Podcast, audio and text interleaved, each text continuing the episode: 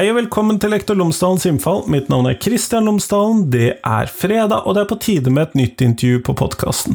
Denne gangen snakker jeg med Arve Thorshaug. Han har tidligere jobbet som universitetslektor ved Universitetet i Nord, men er i dag rektor, rektor altså med R, ved en skole i Levanger kommune. Vi snakker sammen om relasjonskompetanse og det å bygge de viktige relasjonene i skolen, og hvorfor det er så viktig, hvorfor det bidrar så mye til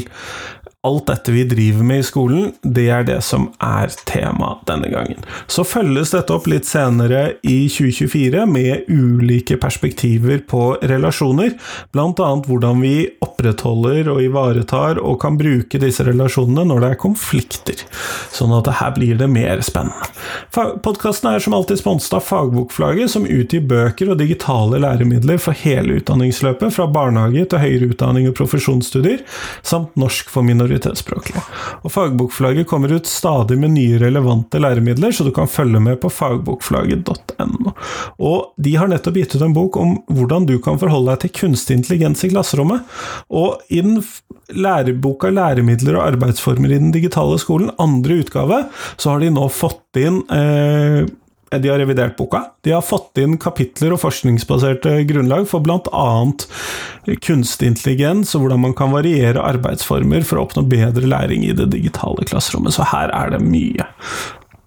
Skrevet av Øystein Gilje, også vært med på podkasten tidligere, eh, så sjekk ut det. Men altså læremidler og arbeidsformer i den digitale skolen, andre utgave, nå også med kunstig intelligens. Dette blir bra. Men nå, nå får du Arve Thorshaug, vær så god.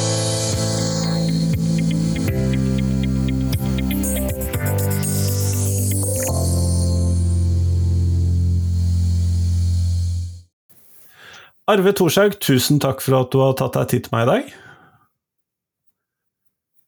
Før vi kommer sånn helt i gang, så hadde jeg håpet at du kunne fortelle lytterne mine tre ting om deg selv, sånn at de kan få bli litt bedre kjent med deg. Ja, eh, til daglig så jobber jeg jo som rektor i, på Nesheim skole på Levanger, så nå er jeg tilbake i praksis det som betyr noe. Så tre ting om meg sjøl. Eh, det jeg måtte gjøre, jeg måtte spørre dem jeg er tettest på i skolen. her, sånn at Jeg spurte eh, kolleger, og så spurte jeg elevene. Hvis de skulle beskrive tre ting om meg sjøl. Eh, for det er kanskje ikke det jeg er flinkest til ellers, er det å snakke fram seg sjøl. Men det jeg fikk til svar, da, det var sånn umiddelbart, det var det at jeg var inkluderende. De opplevde at jeg var inkluderende. Og kolleger trekker også fram et uttrykk som jeg bruker en god del, den evnen til å være til stede i situasjoner. Det å være dønn til stede i situasjoner, eller det vi kan kalle evnen til mentalisering, eh, som også kan, eh, som er en kjennetegn for meg, og det er jo hyggelig å få tilbake. Og Så spurte jeg en elev eh, i sjette klassen, og han sa at du Arve, du er snill. Du er snill. og det er jo hyggelig å høre, tenker jeg. Sånn at det var det beskrivelsene jeg fikk fra andre. Jo, men det hørtes ut som gode beskrivelser. Det. det er jo eh, en kreativ måte å løse oppgaven på. Eh, det er ikke så ofte jeg får den, eh, men veldig gøy. Du har jo vært med nå og skrevet en Og jeg syns jo det er litt ambisiøst å kalle det en håndbok i relasjonelt arbeid, men vi kommer jo ikke noe sted uten ambisjoner. Men for deg som jobber i skolen som rektor, hvorfor er, hvorfor er relasjonskompetanse så viktig, slik du ser det? Jeg tenker at Hovedgrunnen til det, det er jo det at hovedvekten av det som skjer i skolen, det handler om at det er menneskemøter. Eh, så Det som både er kvaliteten og kjennetegnene, men også utfordringene i skolen, det er alle de hele tida samtidige menneskemøtene mellom små mennesker, mellom små og store. Og ikke minst mellom de store menneskene, store voksne som er, i skolefellesskapet. Også opp mot samarbeid heimen. Og I alt det her så ligger jo dette med relasjoner, kvalitet i relasjoner, relasjonskompetanse i, i bunnen. Og kanskje det viktigste vi i skolen eh, framelsker òg, det er eh, elevenes relasjonskompetanse, sosiale kompetanse. I det å stå i møte med, med små og store mennesker, som jeg sier. Så, så, Det er på en måte min nysgjerrighet, interesse, engasjement rundt det med relasjoner, relasjonskompetanse handler om det. Og det er jo en del mennesker du møter i hverdagen som eh, ja, Som rektor så har du ansvar for ganske mange, men som mm. lærer så er det også ganske mange. Mm. Mm. Og Det er jo det vi snakker mye om eh, når du går inn i møte med elevene i klasserommet. Eh, så må det bygge på en trygg, god relasjon mellom elevene og mellom elevene og de voksne. For det er jo opptatt av at når elevene går inn i en sånn læringssituasjon, utviklingssituasjon, så må de være trygge. Eh, hvis hodet er fullt av eh, si litt stygt dritt eller andre ting som tar oppmerksomheten din, så klarer du ikke å være fullt til stede eller dønn til stede i en læringssituasjon heller. Eh, og, det med trygghet i form av gode relasjoner i bunnen her er litt, kanskje det meste av nøkkelen eh, for å klare å være til stede i situasjonen og ikke gå inn i en uønska rolle, f.eks. som klassens klovn eller den som på en måte underyter eller på en måte um, går inn i, i roller der det ikke er ekte disse menneskemøtene. Da. Sånn at det, Alt det som skjer i skolen, både det som er veldig positivt og givende, men også det som er krevende, handler jo nettopp om, om, om relasjoner. Når vi da snakker om kvalitet i relasjoner, så Eh, av og til så oppdager jeg at ting vi snakker om, det eh, er, ligger en sånn hva skal vi kalle innforstått forståelse av hva disse begrepene handler om, eller om det faktisk finnes eh, definisjoner på det. Men når du da snakker om kvalitet i relasjoner, hva er det du, hva er det du tenker på da? Jeg tenker at Det handler bl.a. om hvor trygg du er på dem som er rundt deg, eller hvor hvor stor tillit du har. Da. Den gjensidige tilliten som ligger til grunn for en god relasjon.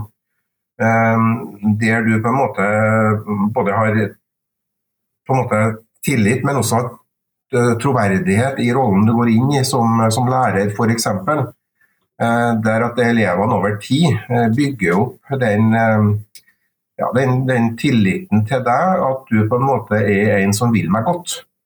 Eh, og som på en måte viser meg den omsorgen og sånn sett er ekte i det møtet. Eh, sånn at jeg, og Unger er jo fantastisk å avsløre deg som voksen hvis du ikke er ekte i situasjonen. Sånn at eh, Når jeg jobber med kollegafellesskapet på skolen, og vi er ca. 55 voksne som har ulike roller, så tenker jeg at vi er opptatt av at den voksne også skal være ekte og troverdig eller autentisk i møte med ungene. Ikke gå inn og spille noen rolle, men være deg sjøl. Eh, da har du også større forutsetninger for den gode kvaliteten i menneskemøtene med, med, med ungene. Og Ungene avslører deg fort, som jeg sier, hvis, at, uh, hvis du ikke er ekte. Uh, og Da forholder de seg til hva de opplever, og ikke hva du sier at du ønsker å stå for av verdier, eller elevsyn eller læringssyn, eller hva du gjør. Sånn at Den grunnleggende tilliten det, det, det bygger du over tid, og tillit er noe du må gjøre deg fortjent til som voksen. Eh, det er ikke noe du på en måte får gjennom rollen din automatisk, men du må bygge den tilliten, den, den gjensidigheten. Eh, og jeg tenker at I all sånn relasjonelt arbeid så ligger det med, med grunnleggende tillit gjensidig eh, i, i bunn. Og så er jo relasjoner i hele tida i endring. Man kan aldri si at man er ferdigrelasjonert liksom, i forhold til andre mennesker. Sånn at det at du hele tida er klar over at en relasjon utfordres hele tida, og en, og en, god relasjon er den viktigste investeringa du gjør i forhold til en god samarbeid med, med, både kolleger, elever og foreldre. Så det er en sånn, Du investerer jo i en god relasjon når livet er normalt. Da er det også lettere å stå i det når krigen kommer, for den krigen kommer. Eh, men alle investeringene du gjør i bunnen, eh, tenker jeg er, er, er gull, og det, og det bygger du over tid. Eh, og Samtidig så måtte du være klar over at det er dynamiske relasjoner som gjør at ting er i endring hele tida. Eh, og vi kan si at relasjon, Relasjonskompetanse handler om menneskekunnskap. I hvor stor grad du, du klarer å, å, lese andre mennesker, eller den evnen til mentalisering. Det å forstå seg sjøl utenifra, og den andre innenifra. Eh, og da, da har jo jeg litt det der slagordet mitt da, om at hvis du skal bli god menneskekjenner, så må du være dønn til stede i menneskemøtene. Det er ikke nok at du er sånn 50-60-70 til stede, liksom. At hodet er fullt med andre ting. Men du må lære deg, du må trene deg på å være dønn til stede i situasjonen. Og tenker Som voksen i møte med ungene i skolen, så fortjener ungene voksne som og Det er jo en av de krevende tingene, og det skal jeg komme tilbake til litt. Men jeg syns det er veldig fint at du sier dette med det dynamiske relasjonen. Fordi at vi kan jo alltid drite oss ut. Mm. vi, vi, kan jo alltid ødelegge dette. Mm.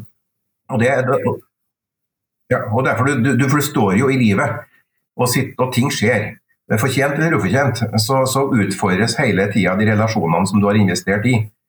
Uh, og det, det, tenker jeg det viktigste er at man er klar over at det er sånn. Uh, at du hele tida må være bevisst på kvaliteten på relasjonen.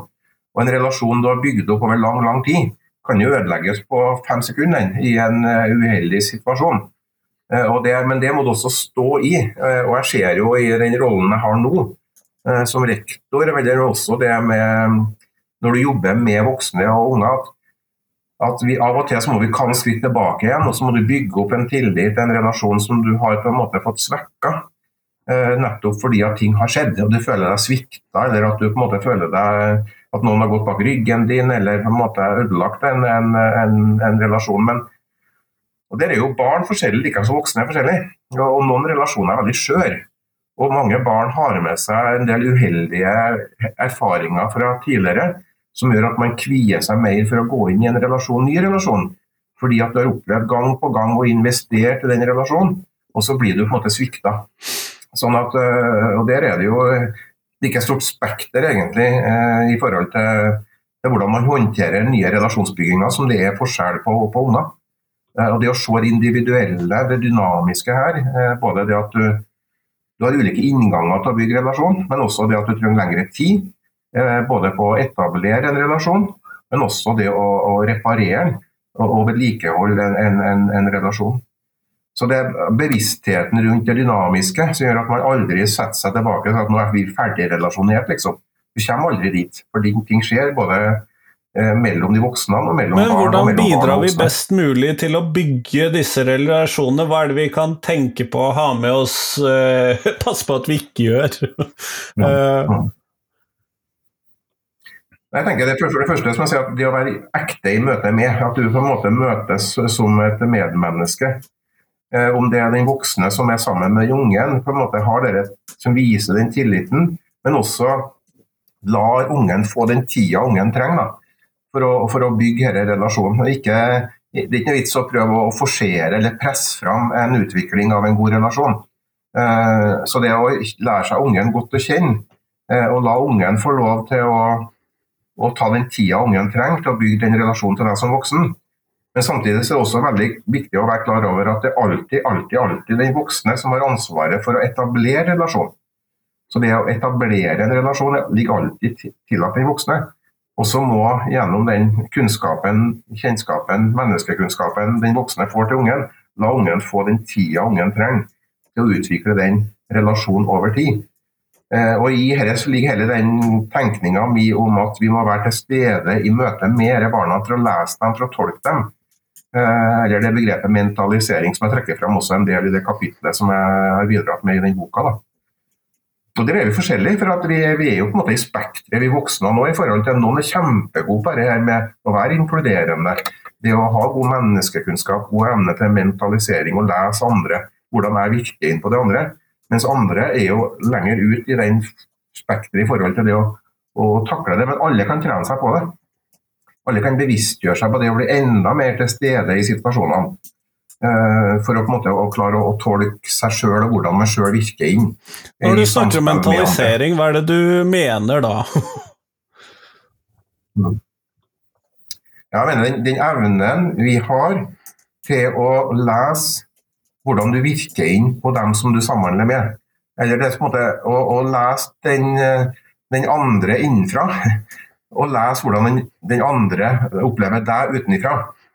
Eh, så det, det, handler litt om det her eh, den, hvordan du virker inn på samhandlinga. Skaper du en trygghet rundt deg? Eh, skaper du en, en, utrygghet rundt deg? Skaper du en usikkerhet rundt deg? Og det å, å ta seg såpass mye tid, eller være så til stede i situasjonene, som gjør at du klarer eh, å tolke hvordan du virker inn på omgivelsene dine. Eh, det kan handle om, eh, om evnen til å sjølregulere seg da, i situasjoner. Og det at Når man går inn i ulike situasjoner, så må du lese den konteksten eller den situasjonen før at du vurderer hvordan skal jeg opptre da. og Dette kjenner vi jo på første møte med, med i, en, i, en, date, da, når du skal møte det andre. hvordan takler du det? Første gangen du møter svigerforeldrene dine, på en måte. første gangen du er på en måte i en sånn kollegasammenheng, en fest, og du klarer på en måte å tilpasse deg litt til omgivelsene og hva som forventes i den konteksten du er en del av. Uh, og Dette ser vi jo en del, eh, både voksne og kanskje unger sliter en del med, med det med evnen til selvregulering. Det å, å, gå inn i en situasjon, lese den konteksten, og så tilpasse sin egen atferd eller væremåte, språk, uh, opp imot det. Og det, det dette mentaliseringsbegrepet er, er, veldig interessant, da, også i et relasjonelt sammenheng, fordi det handler om samhandling mellom mennesker. Og jeg tenker at Dette kan vi øve oss på, trene oss på. Eh, for meg så blir det mantraet om å være dønn til stede i situasjonen egentlig inngangen til å kunne både ha en rolle, men samtidig tolke hvordan den måten jeg er på, eh, påvirker andre. dette gjør, skaper jo, og kanskje ikke dette er noe nytt egentlig, men dette setter jo ganske store krav til uh, lærernes empatiske evner, da. Mm. Ja, men det skal vi, skal vi ha, tenker jeg. Jeg har jobba med lærerutdanning i 15 år tenker jeg Det viktigste jeg gjorde når jeg først møtte møtt studentene her, først nye studenter, var på en måte å utfordre dem på hvorfor vil de bli lærer, eh, og hvilke egenskaper skal en god lærer ha. Jeg tenker at øh, vi på en måte Gjennom utdanninga så skal man ikke bare sile på karakterer i norsk og matte og samfunnsfag, men det handler også om egnethet og om man er skikket til å gå inn i rollen. Uh, og, og, Som lærer så har du et enormt stort ansvar, ikke minst i forhold til det å ivareta den menneskelige biten. Eh, og Det er derfor jeg tenker at vi skal også vi skal ikke skrote en førsteårsstudent på lærerutdanninga fordi at man ikke har den evnen her, men jeg er opptatt av at dette kan man utvikle over tid. Eh, sånn at eh, Både som lærerutdanner, men også nå som rektor på en universitetsskole der vi har veldig mye studenter, som jeg møter også, så er jeg opptatt av deres evne til å utvikle den, den egenskapen, eller evnen til, det å, til mentalisering, eller evnen til å bygge gode relasjoner, viktigheten av det. Og Jeg føler at studenter er veldig opptatt av det, men vi har ulike forutsetninger. Men alle kan bli bedre på det. Eh, både i møte med voksne, men også ikke minst i disse samhandlinga med, med, barn eller foreldre, for den del som også er en viktig gruppe. Men når vi tar oss og snakker om dette, da, så, eh, og vi har jo allerede vært innom dette dynamiske eh, i relasjonene, og at det er lett å drite seg ut. Hva gjør vi når vi har driti oss ut? Jeg tenker at Da må vi erkjenne at vi må gå noen skritt tilbake i forhold til den trygge, gode relasjonen. Uh, og også være selvkritisk i forhold til hva er det som egentlig har skjedd. Og det kan, sånn Veldig konkret så kan jo det være at en elev føler seg veldig urettferdig behandla, med rette. Uh, at det, for å gå to skritt tilbake da, jeg tenker at jeg, jeg, bruker også begrepet om å stå i livet når jeg snakker med mine kolleger. Uh, og, det, og vi er ikke nødvendigvis så, så beste versjon av seg sjøl til enhver tid, fordi at jeg er et menneske. Eh, så jeg ønsker å bygge et kollegium eh, der det er lov å komme på jobb og si at vet du, jeg kommer på jobb i dag, men det har skjedd ting i livet mitt i går eller i helga eller i morges som gjør at jeg ikke er den beste versjonen av meg sjøl, når jeg kommer på jobb. Bare det at man er trygg nok til å si det, gjør at jeg kan gå ut og møte kolleger og barna. Men det betyr også at den måten jeg håndterte godt i går med en elev, hvis jeg ikke er helt 100 i dag, så er det ikke sikkert jeg håndterer situasjonen like godt i dag, og sånn sett gjør ting som jeg kanskje ikke ville gjort mot en elev òg. En del som utagerer språklig, utagerer atferdsmessig, eller som måtte trenger en støtte fra en voksen, opplever at jeg er, er, er, annerledes i dag enn jeg var i går. Eh, og Det gjør også noe med relasjonen, for eleven blir usikker på hvor har jeg deg hen. da? For at i går var du sånn, i, går, i dag gjør du sånn. Hvor er du egentlig hen? Og Hvis jeg da får den opplevelsen av at dette håndterte jeg dårlig, og det er nettopp fordi at jeg er et menneske, jeg òg, og det er helt normalt å gjøre det, så må jeg på en måte være åpen til eleven og gå inn og på en måte si at ok, nå har jeg gjort noe jeg som egentlig utfordrer vår gode relasjon. Eh, og det å erkjenne det da, eh, er jo starten, tenker jeg, i møte med ungen òg. Vi er sårbare, vi voksne nå, nettopp fordi at vi er mennesker. Vi er ikke maskiner, heldigvis. Eh, og Den sårbarheten gjør at vi også er litt uforutsigbare. Og det, det, og det vet vi at det det er utfordrende også for en del elever at vi kan oppleves uforutsigbare. Eh, men jeg tenker at først må vi starte med å erkjenne at, at relasjoner er i endring, og at vi er villige til å investere på nytt igjen. Eller å reparere eller vedlikeholde. Sånn at uh, livet består jo av at relasjoner hele tida utfordres. Om det er på privaten eller i jobbsammenheng, det, det er helt uavhengig. Eh, derfor jeg sier at vi kan aldri si at vi er ferdigrelasjonert, liksom. Fordi vi hele tida er det her eh, spenningsfeltet mellom disse endringene i, i, relasjoner.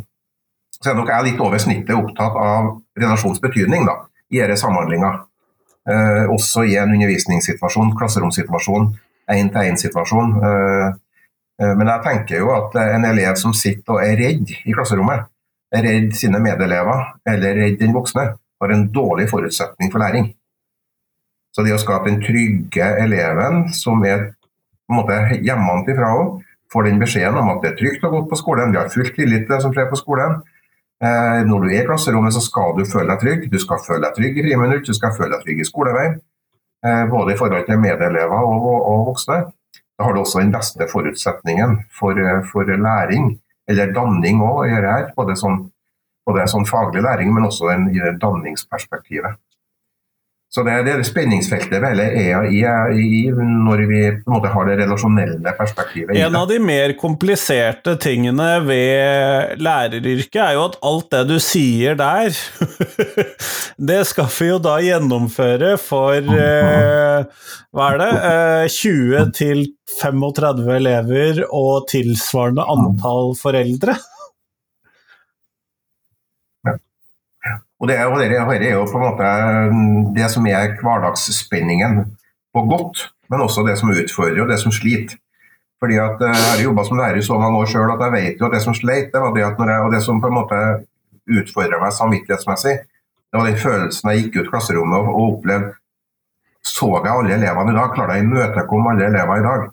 Um, nettopp i forhold til det å kjenne på den forskjelligheten som det forventes at du skal imøtekomme.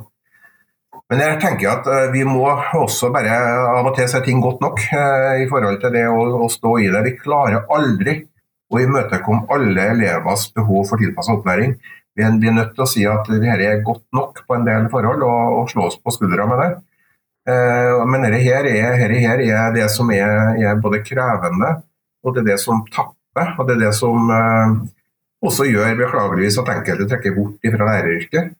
Vi har jo, På skolen der jeg er nå, så har vi de siste to årene jobba spesielt mer med, med klassemiljø. Og, det, og Bakgrunnen for det det var det at uh, vi hadde egentlig tenkt å jobbe med ny læreplan, dybdelæring, tverrfaglig tema, alt det som er viktig i læreplanen. Men så så vi at det som utfordrer læreren i klasserommet, det er det å stå i klassesituasjonen med klasseledelse når det er enkeltelever som utfordrer. Eh, og det å, stå der i klassen med 25 elever, og det er én til to elever som utfordrer deg atferdsmessig, språklig, som gjør at fokuset ditt går på den én til to elevene, og ikke de 23 andre. Det sliter. Og det har vi jobba med nå i snart to år spesielt, eh, under temaet klasseledelse når enkeltelever utfordrer.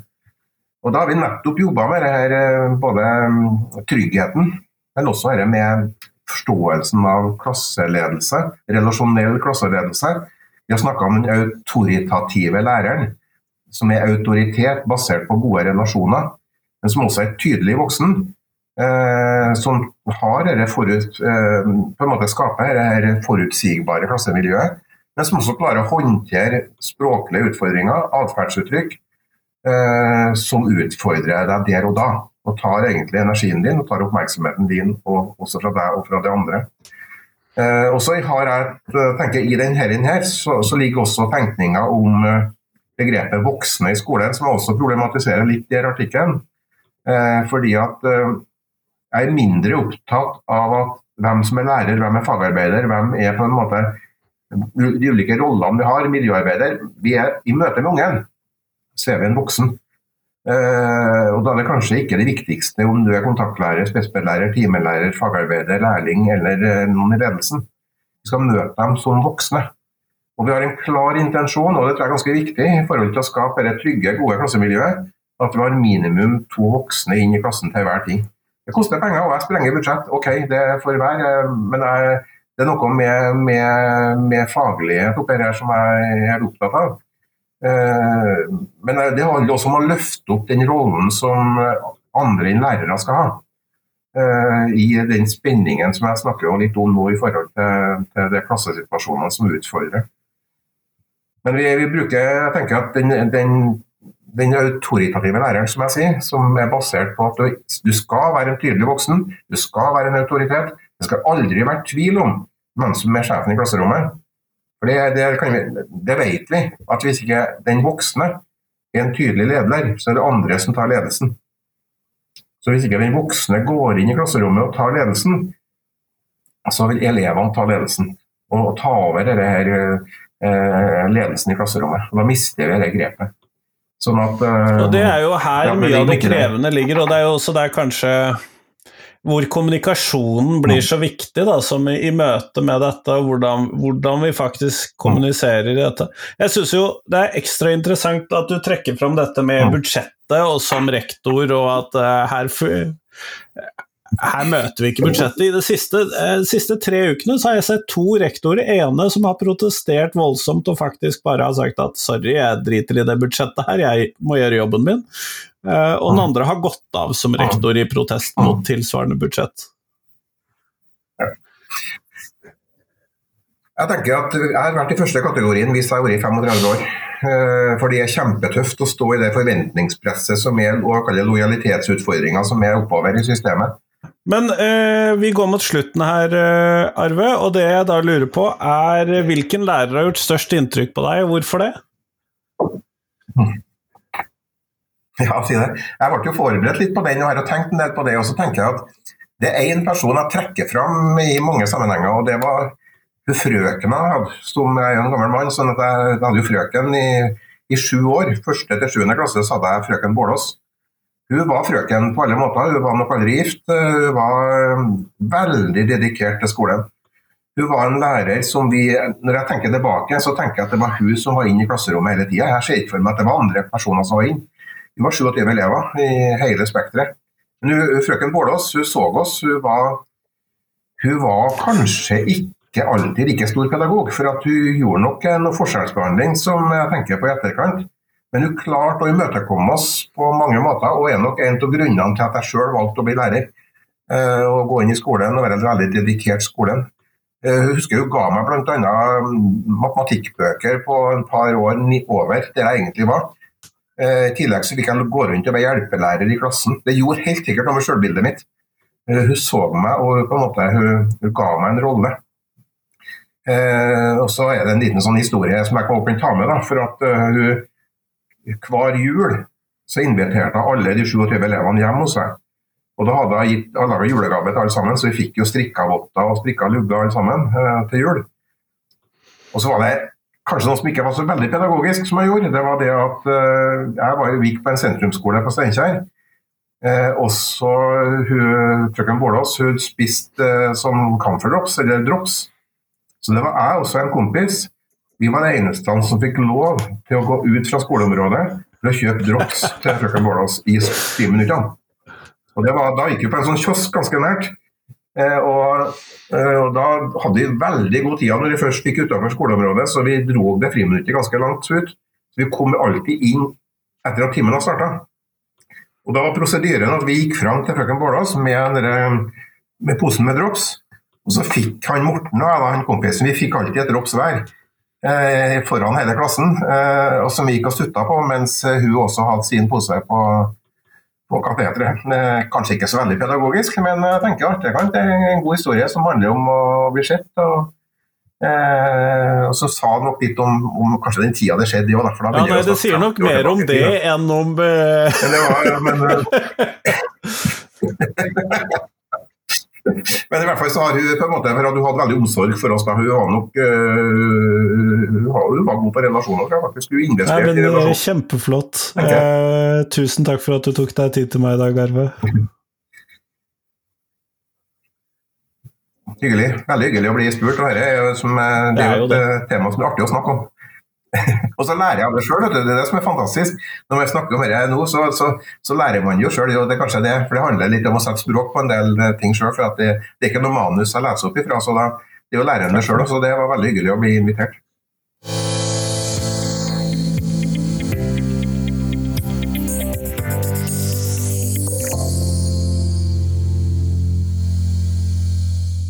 Tusen takk til Arve, og tusen takk til deg som har hørt på. Nå er det fram til tirsdag, så kommer det en ny episode på podkasten. Det blir også den første episoden i 2024, og jeg gleder meg til et nytt podkastår. Det tror jeg blir konge. Eh, det har jeg tenkt i mange år nå. Eh, nå nærmer vi oss jo år, nei, syv og et halvt år med podkast på Lektor Lomsdalens innfall, og det er fortsatt masse temaer som jeg trenger å ta opp på denne podkasten. Så hva vil du at jeg skal ta opp? Det håper jeg du kan finne ut av. Godt nytt år. Lykke til med det neste semesteret i skolen. Jeg gleder meg i hvert fall. Jeg håper du gleder deg også. Hei, hei.